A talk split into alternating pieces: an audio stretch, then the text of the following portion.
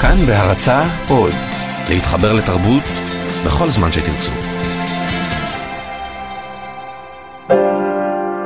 חברות, אגי משעול. כשכולם בעבודה והדבורים מזמזמות עצמן יותר ויותר פנימה לתוך הפרח, דווקא אז יורד עלינו שקט. כי בזה אנחנו טובות, בעיקר כשהימים ארוכים והתקרה נמוכה, כשאת שמה מים ואני עושה לך סולם גנבים אל האור. את מדברת אז מילה מילה, כמו אחת שמעבירה אפרוחים ומצחיקים אותך כאלה שמשוחחים על נושאים. זהו שיר אהבה, ודעי לך, שגם אם יילקח ממני מטה הקסם של המילים, והייתי כנחושת הומה או קונכייה חרבה רחוקה מאוד מן הגשם, אז איתך זה לא אכפת לי. היו, שלום, אה, אז אני נועם פרטום, אה, ואנחנו בעצם בתוכנית הראשונה אי פעם של אה, טקסטמניה בכאן תרבות. וזו תוכנית שבה כל פעם אנחנו נתמקד בנושא קיומי, תרבותי או חברתי אחר, ובעצם ננסה לפרק אותו לגורמים באמצעות טקסטים שנכתבו עליו, בעיקר טקסטים ספרותיים, קטעים נבחרים מתוך רומנים, נובלות, סיפורים קצרים ושירים, אבל גם טקסטים הגותיים יותר, פילוסופיים, אה, יומנים ומכתבים. בתוכנית הזאת אנחנו גם נדבר עם, יהיו לנו שני רעיונות, נשוחח עם אה, אלי הירש וטליה אסן, והם ידברו איתנו על הנושא של התוכנית הזאת, חברות.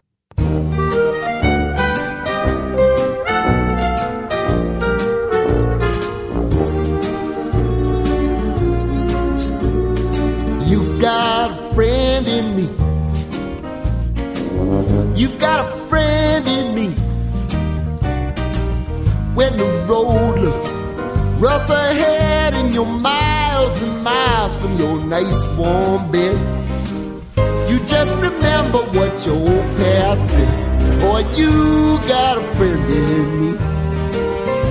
Yeah, you got a friend in me.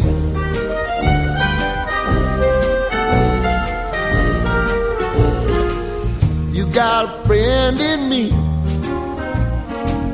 You got a friend in me.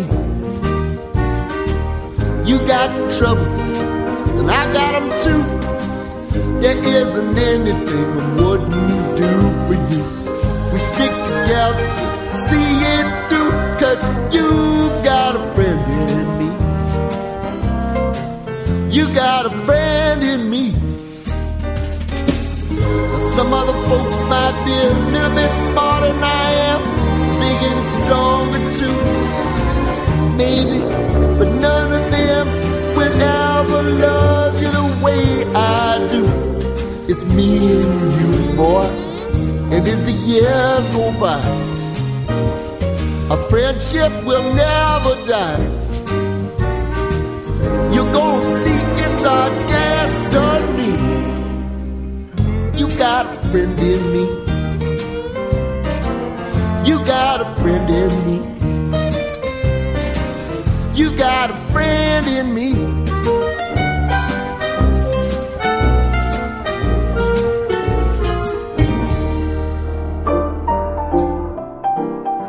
קטע מתוך הממואר רק ילדים אה, מאת אלילת הפאנק המוזיקאית פטי סמית על ההתחברות שלה עם הצלם האמריקאי רוברט מייפלתורפ אה, בתרגום אורטל אריכה. יום אחד הבחנתי בבחור שעורב בחנות שעבדתי בה ומתבונן בי. הוא היה מזוקן ולבש חולצת פסים ומקטורן שבמרפקיו טלאי זמש. המנהל הכיר בינינו. הוא היה סופר מדע בדיוני והוא רצה להזמין אותי לארוחת ערב. אמנם הייתי בת עשרים, אך בראשי הדהדה האזהרה של אמי, שלא ללכת לשום מקום עם זרים, אלא שהמחשבה שאזכה לארוחת ערב ריפתה את נחישותי, ואני נעתרתי. הלכנו למסעדה למרגלות בניין האמפייר סטייט. השתדלתי להזמין משהו לא יקר מדי, ובחרתי בדג חרב. חמישה 95 דולרים, המנה הזולה ביותר בתפריט. אף על פי שגוועתי ברעב, התקשיתי ליהנות מהמנה. חשתי אי נוחות ולא ידעתי כיצד להתנהג, או למה הוא רוצה לאכול בחברתי. נראה לי שהוא מבזבז עליי כסף רב, והתחלתי לחשוש ממה שיצפה לו בתמורה. אחרי הארוחה הלכנו ברגל את כל הדרך לדרום העיר. תרתי במוחי אחר תירוצים להימלט משם, כשהוא הציע שנעלה לדירה שלו לשתות משהו. הבטתי סביב בייאוש, לא מסוגלת להשיב לו, כשראיתי בחור צעיר מתקרב. הרגשתי כאילו נפתח בפניי שער קטן לעתיד, ובעדו יצא הנער שפגשתי בברוקלין, כמו מענה לתפילתה של נערה. זיהיתי מיד את הילוכו עקום הרגליים מעט, את טלטליו הסתורים. הוא לבש מכנסי ג'ינס ווסט מאור כבשים. מחרוזות עיטרו את צווארו. נער רואים היפי. רצתי אליו ואחזתי בזרועו. שלום, אתה זוכר אותי? כמובן, הוא חייך. אני צריכה עזרה, פלטתי. אתה מוכן להעמיד פנים שאתה חבר שלי? בטח, הוא אמר, כאילו לא מופתע מהופעתי הפתאומית. גררתי אותו לבחור הסופר. זה חבר שלי, אמרתי חסרת נשימה. הוא חיפש אותי, הוא ממש כועס, הוא רוצה שאני אחזור הביתה עכשיו. הבחור הביט בשנינו בבלבול. רוץ! צעקתי, והנער אחז בידי, ונמלטנו משם דרך הפארק אל צידו השני. מתנשמים בכבדות, קרסנו על מדרגות הכניסה לביתו של מישהו.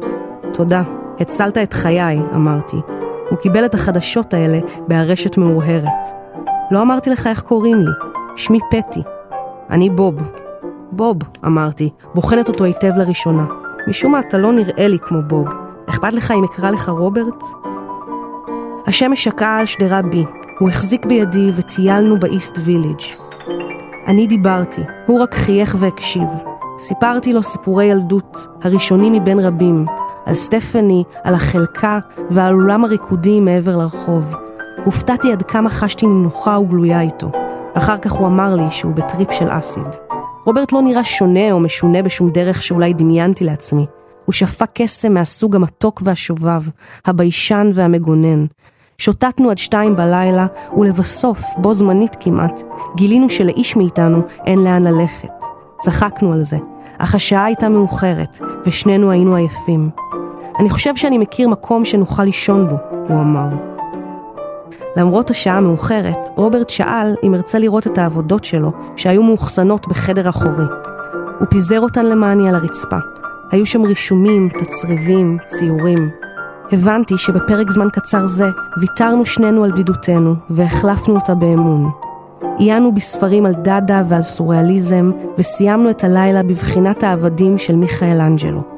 ספגנו זה את מחשבותיו של זה בלי מילים, ורגע לפני עלות השחר נרדמנו זה בזרועות זה. כשהתעוררנו בירך אותי בחיוכו העקום, ואני ידעתי שהוא האביר שלי. כאילו היה זה הדבר הטבעי ביותר בעולם, נשארנו יחד, ולא משנו זה מזה, אלא כדי ללכת לעבודה. שום דבר לא נאמר בקול, זה היה פשוט מובן מאליו לשנינו.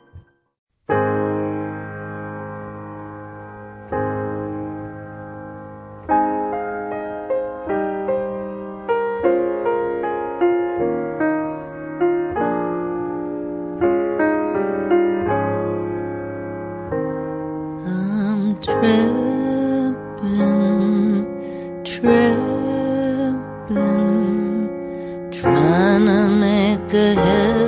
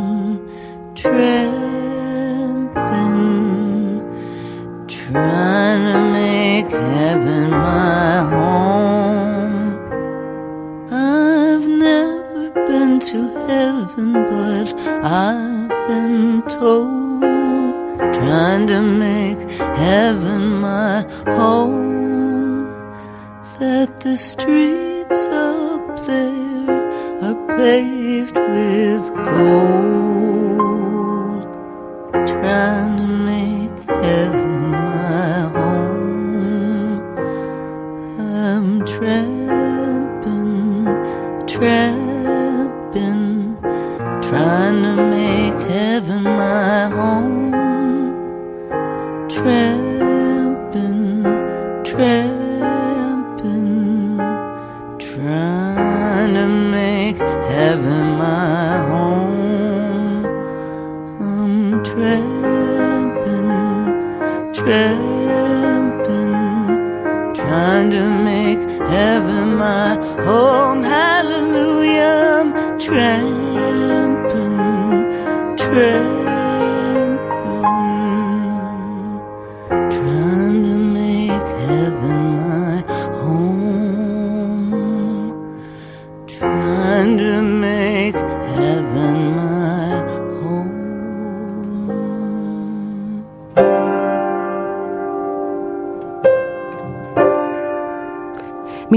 איך אדם צריך להיות, של שילה הטי, בתרגום יעל אחמון.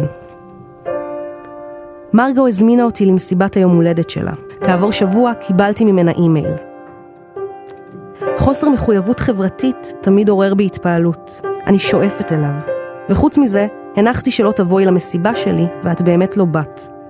במסיבה שלי בעלך, כנראה רק מתוך מתיקות ושכרות ותחושת נדיבות, וכנראה בלי שום קשר לאיך שאת מרגישה, אמר, תקשיבי, את ושילה צריכות לבלות יחד. ואני צחקתי ולא ייחסתי לזה שום חשיבות. מעולם לא הייתי מסוגלת להאשים מישהו כשבחר לא להתיידד איתי, אבל התאכזבתי שלא מצאתי חברה בת, אחרי שחיפשתי כל כך הרבה. אבל יכול להיות שהבנים שאני מכירה מספיק נשיים בשבילי, והרבה יותר קל לרדות בבנים נשיים מאשר בבנות, כמובן. אז אם נסכם, אני לא מאוד טובה בזה עם נשים נשואות, מה?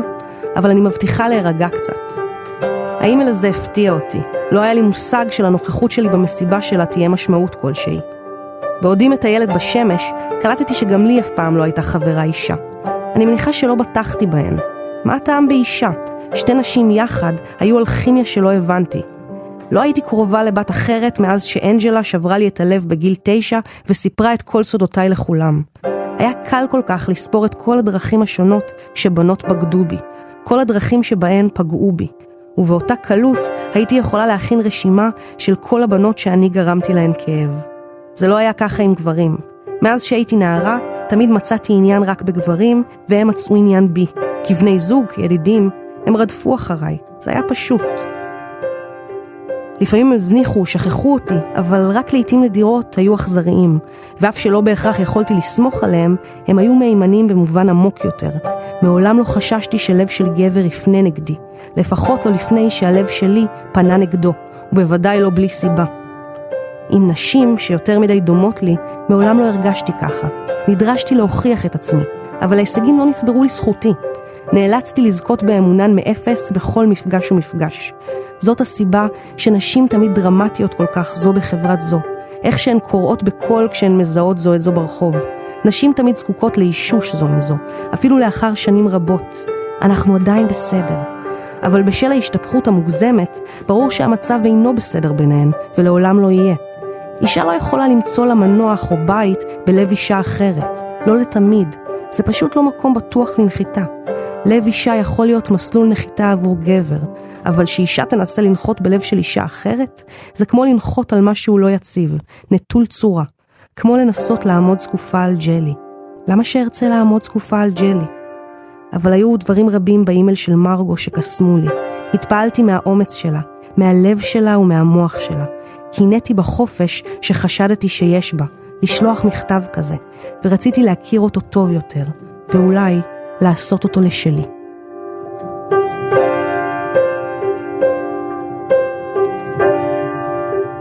אז עכשיו נעבור לשיחה עם טליה אסן, שהיא סטודנטית לתואר שני באנתרופולוגיה באוניברסיטת תל אביב, והיא חוקרת חברות בין ילדות, בעצם תיתן לנו את הזווית הלא ספרותית היחידה בתוכנית, זווית קצת יותר סוציולוגית. אה, טליה? היי, שלום. היי, מה העניינים? בסדר גמור. יופי, כיף שהצטרפת. אמ, אז תספרי לנו מה, מה בדיוק את חוקרת, מה, מה גילית או... אוקיי. אה, אז בעצם המחקר שלי אה, הוא שייך לתחום שקוראים לו לימודי נערות. וזה תחום שצמח אה, בעיקר משנות התשעים, שהרעיון שלו הוא בעצם שצריך להבין את חוויות החיים של הנערות, להבין את ההסתכלות שלהן על החיים ואת ההתמודדויות שלהן, שלפני כן, כשעשו מחקרים על נוער, חקרו בעיקר נערים, וכשעשו מחקרים של לימודי נשים, התמקדו בעיקר בנשים מבוגרות. זה תחום שבאמת הבין שהגיע הזמן להסתכל על מה קורה עם נערות, איך החיים שלהם נראים, איזה התמודדויות מיוחדות יש להן. כן, זה בעצם היה מוזנח קצת, כל העניין הזה של ילדות. נכון, נכון מאוד. זאת אומרת, קודם כל כי מבוגרים הם אלה שעושים את המחקרים, וזה גם יוצר כל מיני זוויות הסתכלות אחרות על ילדים, לא בהכרח מהפרספקטיבה שלהם. וספציפית, אה, כמו שנשים הרבה פעמים מודרות במחקר ובחברה בכלל, אז עוד יותר נערות וילדות במקרה הזה. אוקיי, אמ, ומה, ומה, ובעצם אה, היית, היית בשטח, נכון? זאת אומרת... אה... נכון, אני עשיתי מה שנקרא מחקר אתנוגרפי, תצפית משתתפת, שזה אומר להיות חלק אה, ממש פעיל מהשדה הנחקר, ובמקרה שלי זה היה בית ספר יסודי ממלכתי, אה, שהייתי מגיעה אליו בערך אחת לשבוע, הייתי יושבת אה, עם כיתה אחת לאורך כל יום הלימודים, ישבתי איתם בשיעורים, משחקת איתם בהפסקות. באמת הסתכלתי לראות, אה, הסתכלתי על הילדות, רציתי לראות מה מעניין אותן, מה מעסיק אותן, ומהר מאוד ראיתי שאחד הדברים שהכי חשובים להם ושהכי מעסיקים אותם, ושהן מתעסקות באמת כל הזמן, זה הסיפור הזה של חברות, של חברות ספציפיות, אה, ומה המשמעויות של זה בחיים שלהן. מעבר לזה שזה העסיק את הילדות, זה גם מאוד מאוד העסיק את בית הספר. זאת אומרת, בית הספר כל הזמן דיבר עם הילדים והילדות על מה זה להיות חברים טובים, וכמה זה חשוב, אה, ואיך להיות חברים טובים. אה, וזה בעצם מה שאני מנסה להסתכל עליו במחקר שלי, זאת אומרת, גם הזווית של בית הספר על חברות וגם הזווית של הילדות כן. אז מה, אז מה היית אומרת שמאפיין חברויות בין אה, ילדות בבית ספר יסודי? כאילו, מה, מה גילית? אוקיי, okay, אז בעצם צריך להבין תמיד את המסגרת שבה הכל מתארגן, שבמקרה הזה זה בית הספר. אז אם בית הספר... אה, הספר באמת, כמו שאמרתי, הוא דיבר המון המון על חברות, הוא ממש אפילו נתן נקודות בציון, תוספת בציון, אם הראו מעשים חבריים, וזה ממש היה הדרך גם לגבש את הכיתה ולדבר כל הזמן על זה שאנחנו, כשאנחנו אומרים, כשהמורה אומרת, תקשיבו לחברים שלכם לכיתה, בעצם יש פה איזושהי הנחה שכולם אה, צריכים להיות או אמורים להיות חברים וחברות. אה, וזה נעשה על ידי המורות גם כדי לקדם כל מיני עקרונות של שוויון והדדיות, אכפתיות, עזרה לזולת. ובתוך זה הילדות ניסו להבין מה זה חברות בשבילן. מה שאני מנסה, לה, אמ, מה שהגעתי למסקנה בעצם זה שמבחינתם זה לא כל כך אפשרי להיות עכשיו חברה של כולם. זאת אומרת, יש, אה, זה מצריך אנרגיות, וזה אנרגיות שהן לא אה, בלתי נגמרות, ובעצם להיות חברה של כולם זה מאוד מאוד קשה, גם אם מבחינה אפילו פרקטית, אם עכשיו יש לי חטיף ואני רוצה לחלוק אותו, ואני אחלוק אותו עם 25 ילדים, יישאר לי כלום או מעט מאוד. ברור. אז, אה, כן. אז הילדות יצרו בעצם משמעויות אה, משלהן של חברות וגם כל מיני סוגים של חברויות. זאת אומרת, היו ילדות שבאמת הגדירו את עצמן כחברות הכי טובות, אה, שעוד פעם זה קצת לפעמים זה נגד תפיסות של בית הספר, כי ברגע שיש לי חברה הכי טובה, אז אני מעדיפה אותה על פני תלמידים ותלמידות אחרים, אני מרגישה המון המון מחויבות אליה, היו ילדות שממש דיברו על זה שהן אה, קוראות את המחשבות אחת של השנייה, זאת אומרת, הרבה עניין של כן. זהות ודמיון. אה, זה אומר שכשיוצאים להפסקה ברור עם מי אני משחקת, וכשהמורה מחלקת עבודה בכיתה ברור עם מי אני עובדת. זה היה גם מאוד מאוד עם אה, רגשות מאוד עמוקים, החברות הכי טובה הזאת. כן, וזה בעצם כאילו קצת סותר את האתוס הזה של uh, מערכת החינוך לגבי איזה, כי כולנו חברים באותה מידה ו... נכון, נכון, זה היה באמת גם, כי באמת זו דרישה שהיא קשה לפעמים לילדות, הם כן רצו לעמוד בה והם כן רצו להיות חברות, וזה גם מתקשר לבאמת התפיסות שילדות ונשים צריכות להיות נחמדות ולעזור, אבל זה היה מאוד קשה לעמוד בזה, כי באמת יש לך את החו... כמה חברות, את החברה אחת שהיא חשובה לך במיוחד, ואת רוצה להיות איתה כל הזמן. את רוצה לעשות איתה הכל, את רוצה, כמובן שהם גם היו מבלות אחריה. כן, זה בולט הדבר הזה של מין תאומות כזאת, של, של שתי בנות שמסתוותות ונדבקות כן. אחת לשנייה? מאוד, אצל חלק, שוב, זה מאוד מאוד השתנה, אה, זה לא היה אחיד ולא לכולם הייתה חברה טובה, או הכי טובה זאת אומרת, אבל כן, חלקם ממש אמרו, אנחנו חברות הכי טובות, וחלקם ישר ראיתי את זה כי הם היו כל הזמן ביחד, הם היו יכולות uh, להלוות אחת לשנייה בגדים, וגם בכלל איך שילדות משתמשות במדיה היום, זה גם אם כל ילדה ישבה עם מחשב משלה, זה לא היה לבד, הם כל הזמן חלקו ושיחקו אותו משחק במחשבים מקבילים, או ראו אותו סרטון, זאת אומרת, כל הזמן לעשות דברים ביחד. להיות ביחד. כאילו למרות שאנחנו חושבים שהם כל, אח... כל אחד מנוכר במחשב שלו, אז הן מתחילות לראות את אותו סרטון ביוטיוב במקביל בעצם. בדיוק, בדיוק. אז זה מאוד מאוד שונה אולי מאיך שהיינו חושבים על שימוש במדיה גם. כן. ובעצם למה את חושבת שחברות היא כל כך משמעותית בגילאים האלה? אה, אני חושבת ש...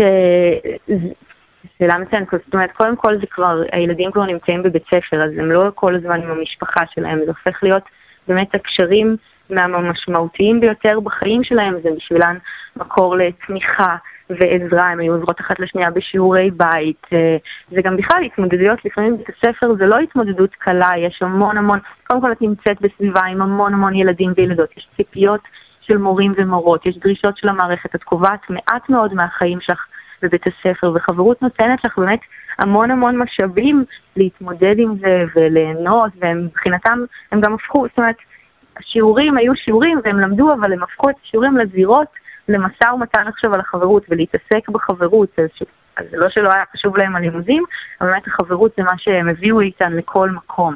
כן.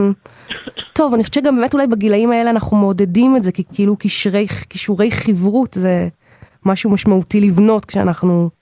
נכון, זה נכון מאוד, ושוב, התפיסות באמת במחקר, בסוציולוגיה ואנתרופולוגיה מאוד השתנו, כי פעם התפיסה הייתה שאנחנו מחברתים ילדים לתוך העולם של המבוגרים, ורק בהמשך ראו שבעצם ילדים וילדות הם יוצרים נורמות משלהם לקבוצה, וזה תמיד במשא ומתן עם... Uh, עם, עם בית הספר ועם החברה הכללית, אבל גם הם ממציאים דברים משלהם ומשמעויות משלהם. ממש אה, יוצרים בעצמם נורמות. זה לא רק חברות לתוך חברת המבוגרים, אלא הם עושים לעצמם חברות לתוך חברת הילדים. זה תרבות משל עצמה. לגמרי.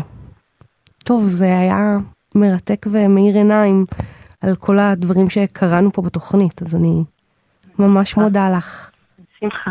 תודה.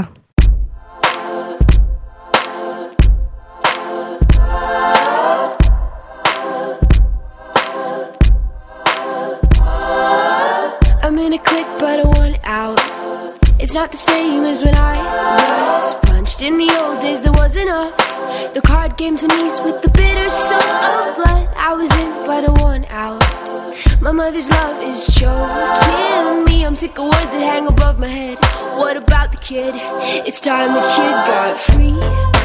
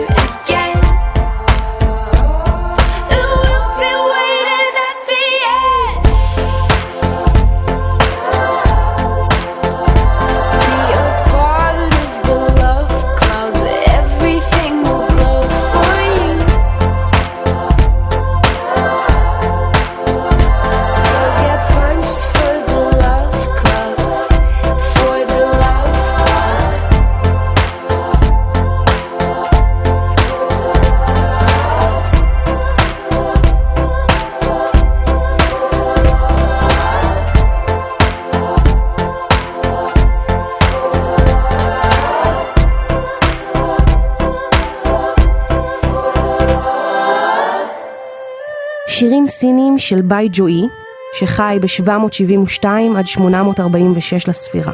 תוך 108 שירים מן הקלאסיקה הסינית, בתרגום מסינית של דן דאור. ביי ג'ואי היה המשורר האהוב ביותר בזמנו, לא רק בקרב המשכילים שהיו אמונים על שירה, אלא גם על העם. שירים שלו נכתבו על קירות של פונדקים ומנזרים, ונערות זמר שרו אותם על סירות שעשועים. ביי ג'ואי הוא המשורר הסיני הנערץ ביותר ביפן, והודות לתרגומיו של ארתור ויילי, אולי גם הידוע ביותר באנגלית. הוא כתב הרבה בשפה פשוטה, בהומור, ולעיתים בנימה קצת דידקטית. ובניגוד לקודמיו, הקפיד לערוך את שיריו ולשמר אותם, כשלושת אלפים במספר. שיר על הזקנה, מוקדש למנגדה. אנחנו כבר זקנים, אתה ואני. איך זה להיות זקן? שואל את עצמי. העיניים עששות, בלילה מקדים לישון, הראש עצל, בבוקר איני מסתרק. יוצא מדי פעם, נשען על מקל. ימים שלמים יושב סגור בחדר. אין לי חשק להביט בראי המלוטש. הפסקתי לקרוא ספרים באותיות קטנות. אהבתי לידידים ותיקים מתגברת. ממעט בקשרים עם אנשים צעירים. נותרה רק השמחה שבשיחות בטלות. שופעת כמו פעם, כששנינו נפגשים. ועוד שיר של ביי ג'וי, מוקדש למנגדה. בא בימים עם פנים צעירות, כמוך ראי, גם אני.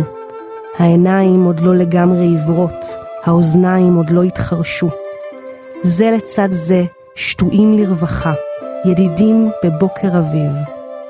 בוא נעלה על גל של שמחה, נסתנן למפגשי צעירים, נשאל סוסים מעורבות המושל, נלך לחפש פרחים, נסלק סירה ממעגן הדוכס, נצא לשחק על המים. בעיר לא יאנג שמעתי, אנשים מרימים גבות. ליאו וביי אומרים עלינו, שני משוגעים זקנים. שירים מסינית של שני משוררים שהיו חברים, דופו, שחי ב-712 עד 770, מי שנחשב זה מאות שנים למשורר הגדול ביותר של סין, לא ידע הרבה הצלחה בחייו. הוא נולד בחבל הנן של ימינו למשפחת משכילים ידועה, אבל לא הצליח לעבור את הבחינות הממשלתיות, ורוב חייו נאלץ לחיות בהידחקות. פקיד זוטר בצריף בצ'אנג דו ופליט בלי בית בערוב ימיו, כפי שכתב עליו ביי ג'ואי. כבן שלושים פגש את לי ביי, המהולל והמבוגר ממנו, פגישה שהותירה בו רושם עז, אם כי הם נפרדו אחרי זמן קצר ולא שבו להתראות. חולם על לי ביי. בפרידה מן המת למדנו לכבוש את קולנו. בפרידה מן החי אין מן הצער מפלט. מדרום לנהר עד עולה מן הארץ, ואין ידיעות מהאיש שהלך בגולה. ידידי משכבר, לחלומי נכנסת הלילה. נגעת עליי, החושב עליך תמיד. חושש שכבר לא בחיים זו הרוח. שבילך רחוק, ושיעורו לא נודע. לבוא רוחך, מוריקים יערות העדר. בעזוב רוחך, קודר מעבר הערים. אך אתה, הנסיכי, בשחת רשת נפלת, ואיך תוכל לפרוס את כנפך המנוצה. את קורות התקרה מאיר ירח שוקע. לרגע דימיתי, פניך בהן זוהרים. אל תיתן שישיגוך דרקוני המים. הנהר עמוק וגליו הגבוהים נשברים. בקצה השמיים, חולם מלי ביי. רוח קרה קמה בקצה השמיים, ואתה נסיכי, על מה אתה חושב? מתי כבר יבואו אווזי הבר? בנהר ובאגם רבו המים בסתיו. השירה שונאת את מי שחלקו שפר. השדים בהר שמחים על הלך מועד. דבר עם רוחו של זה שנעשה לו עוול. השלך שירים מנחה לנהר המילו. ליבאי, חי ב-701 לספירה עד 762. יש אגדות על ליבאי ורק מעט עובדות מוצקות. הוא נולד כנראה באזור נידח במערב סין, אולי למשפחת סוחרים ממוצא טורקי, גדל בסצ'ואן, נשא אישה צעירה ממשפחה טובה, הסתובב הרבה, התארח אצל קרובים וידידים, זכה זמן קצר לחסדי הקיסר שואן צזונג, הסתבך בעקבות מרד אנלו שואן ב-755, הוגלה, קיבל חנינה ומת זמן קצר לאחר מכן. הוא ובן דורו הצעיר ממנו, דו פו, נחשבים לשני המשוררים הגדולים ביותר של סין, ולפי הבחנה מקובלת, ולא לגמרי מוטעית, הוא הדאואיסטי, ספונטני, רומנטי, בז למוסכמות, ואילו דו פו הוא הקונפוציאני, מעורב חברתית, מוסרי, מקונן על גורלו ועל העולם. הוא היה שתיין גדול, זכה לכינוי בן על מוות גולה, ומת כשנפל שיכור לנהר בניסיון לחבק את הירח. מוקדש לדופו, בצחוק. את דופו פגשתי מטייל בהרים, כובע קש לראשו, פניו בוערים. הרשה לי לומר שרזית מאוד. האם שבת לסבול מכתיבת שירים? אז אין טבעי יותר מבחינתי לעבור מהשירים הסינים לשיחה עם אלי הירש, שהוא משורר בחסד ועורך ספרות ומבקר שירה. מי שעומד מאחורי טור ביקורת השירה של אה, ידיעות אחרונות, אלי הירש קורא שירה. אה, אלי הוא בעצם העורך של הספרים שלי וחבר קרוב, והוא גם מי שחשף אותי לתרגומי השירה הסינית הנפלאים האלה, בעברית כל כך יפה ומלאת חמדה, פרי עטו של הסינולוג ואיש הספרות דן דאור, שהיה חבר טוב של אלי, והכניס אותו, בעצם הדביק אותו באהבת השירה הסינית והביא אותו להתכתב איתה ולכתוב לה מחוות כמשורר. אה, ב-2014 אלי הוציא את אחד מספרי השירה. אה, הכי יפים שאני מכירה בעברית, גני תל אביב התלויים, שהוא בעצם כולו ספר על החברות שלו עם דן דאור, מין ספר אהבה חברי, שעושה שימוש במודלים האלה של שירי הידידות הסינים. אלי, זה נכון מה שאני אומרת? אני מסבירה בסדר? זה נפלא, זה ממש אה, נשמע כמו הספר. כן, עשיתי שימוש בשירים הסינים של דני, כי הם היו, הם היו מאוד נוכחים בידידות בינינו, אבל המחווה היא קודם כל לדני ולידידות בינינו. היינו חברים הרבה שנים, הוא היה חבר מאוד מרכזי, הוא היה גם חבר וגם מורה. כן. אה, מכירה את הפתגם הזה ממסכת אבות, אה, קנה לך רב, עשה לך חבר, משהו כזה. כן. אז הרבה אז פעמים הוא היה גם מין רב וגם מין חבר, או אימצתי אותו כמורה והוא אימץ אותי כחבר, ולהפך, והוא, אה, בזכותו למדתי, הכרתי המון דברים נפלאים. ואז הוא מת, הוא מת, אה, הוא מת צעיר למדי, בן 72, מדום לב. הייתי צריך איכשהו להתמודד עם זה, הדרך הראשונה להתמודד הייתה לערוך, הוא, דני היה מתרגם בחסד, לא רק מסינית, ולמרות שהוא הוציא לא מעט ספרי תרגום, נשארו המון המון תרגומים מפרי עטו שלא כונסו בספר, אז המעשה הראשון היה לאסוף את כל התרגומים האלה ולהוציא אותם בספר, משתה לאדם בודד. בכלל הרגשתי בשנה הראשונה כמו מי שאוסף דברים, כי כשמשהו מתפרק לך אתה מתחיל לאסוף. ואז הספר ראה אור והיה אירוע מאוד יפה בבית ביאליק, ולמחרת נבהלתי נורא כי הבנתי שכל עוד ערכתי את הספר הייתי עם דני עוד ברוחי, זאת אומרת כל הזמן כן. חיפשתי תרגומים שלא ערכתי אותם, חשבתי עליהם, ופתאום נשארתי לבד. ופתאום התחלתי לעשות את המעשה המשונה הזה של לכתוב מין שירים סיניים במרכאות. שירים סינים שמהר מאוד הבנתי שהם בעצם יהיו הדרך שלי להתאבל על דני. זו דרך מאוד משונה להתאבל, לכתוב שירים. למרות שזה מאוד מקובל לעשות את זה כן, בשירים. כן, קלאסית. שירים, אה, כן, אבל uh, היא, היא קלאסית מנקודת מבט של uh, תולדות השירה.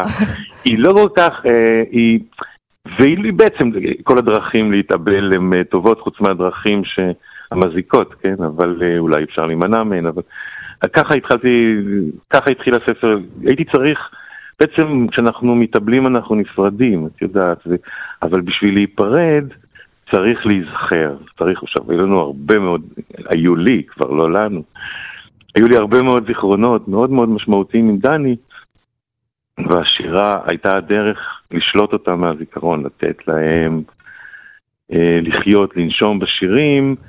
אבל תמיד דרך הפריזמה הזאת של הפרידה. כן, זאת אומרת הפרידה היא מה שגרם לשירים לבקוע. אמ, מה שאפשר את השירים, אמ, אני לא חשבתי לכתוב או לא העליתי על דעתי, וגם אם העליתי על דעתי לא העזתי לכתוב שירים כאלה לפני שדני מת. כן. אמ, אה, בכלל אנחנו, אה, אני לא יודע, בקיצור זה היה קשה, אני חושב שהוא בטח לא היה אוהב את זה.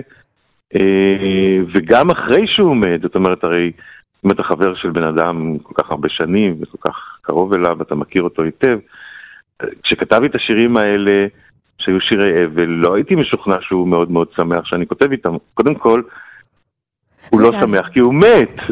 כן, השירים אומרים שהוא מת. אז רגע, אולי תקרא לנו כמה שירים כדי שנבין. אני אקרא שיר אחד, אה, או יותר, אבל אני אתחיל בשיר אחד שבאמת מתאר את הקשיים העצומים להתאבל באמצעות כתיבת שירים. נקרא אובך. אני קורא את השירים שכתבתי, חושב מה היית חושב עליהם, ויודע שמשהו בהם מפריע לך. זה מפריע גם לי. אני לא לגמרי מבין אותם, או להפך, מבין. הם אומרים שאתה איננו. הם נכתבים כי אתה איננו. הם נדחפים למקום שתפסת. הם מנצלים את מותך כדי לדבר איתך בלי שתוכל לענות, ותוך העמדת פנים שיש לי איזו חזקה עליך.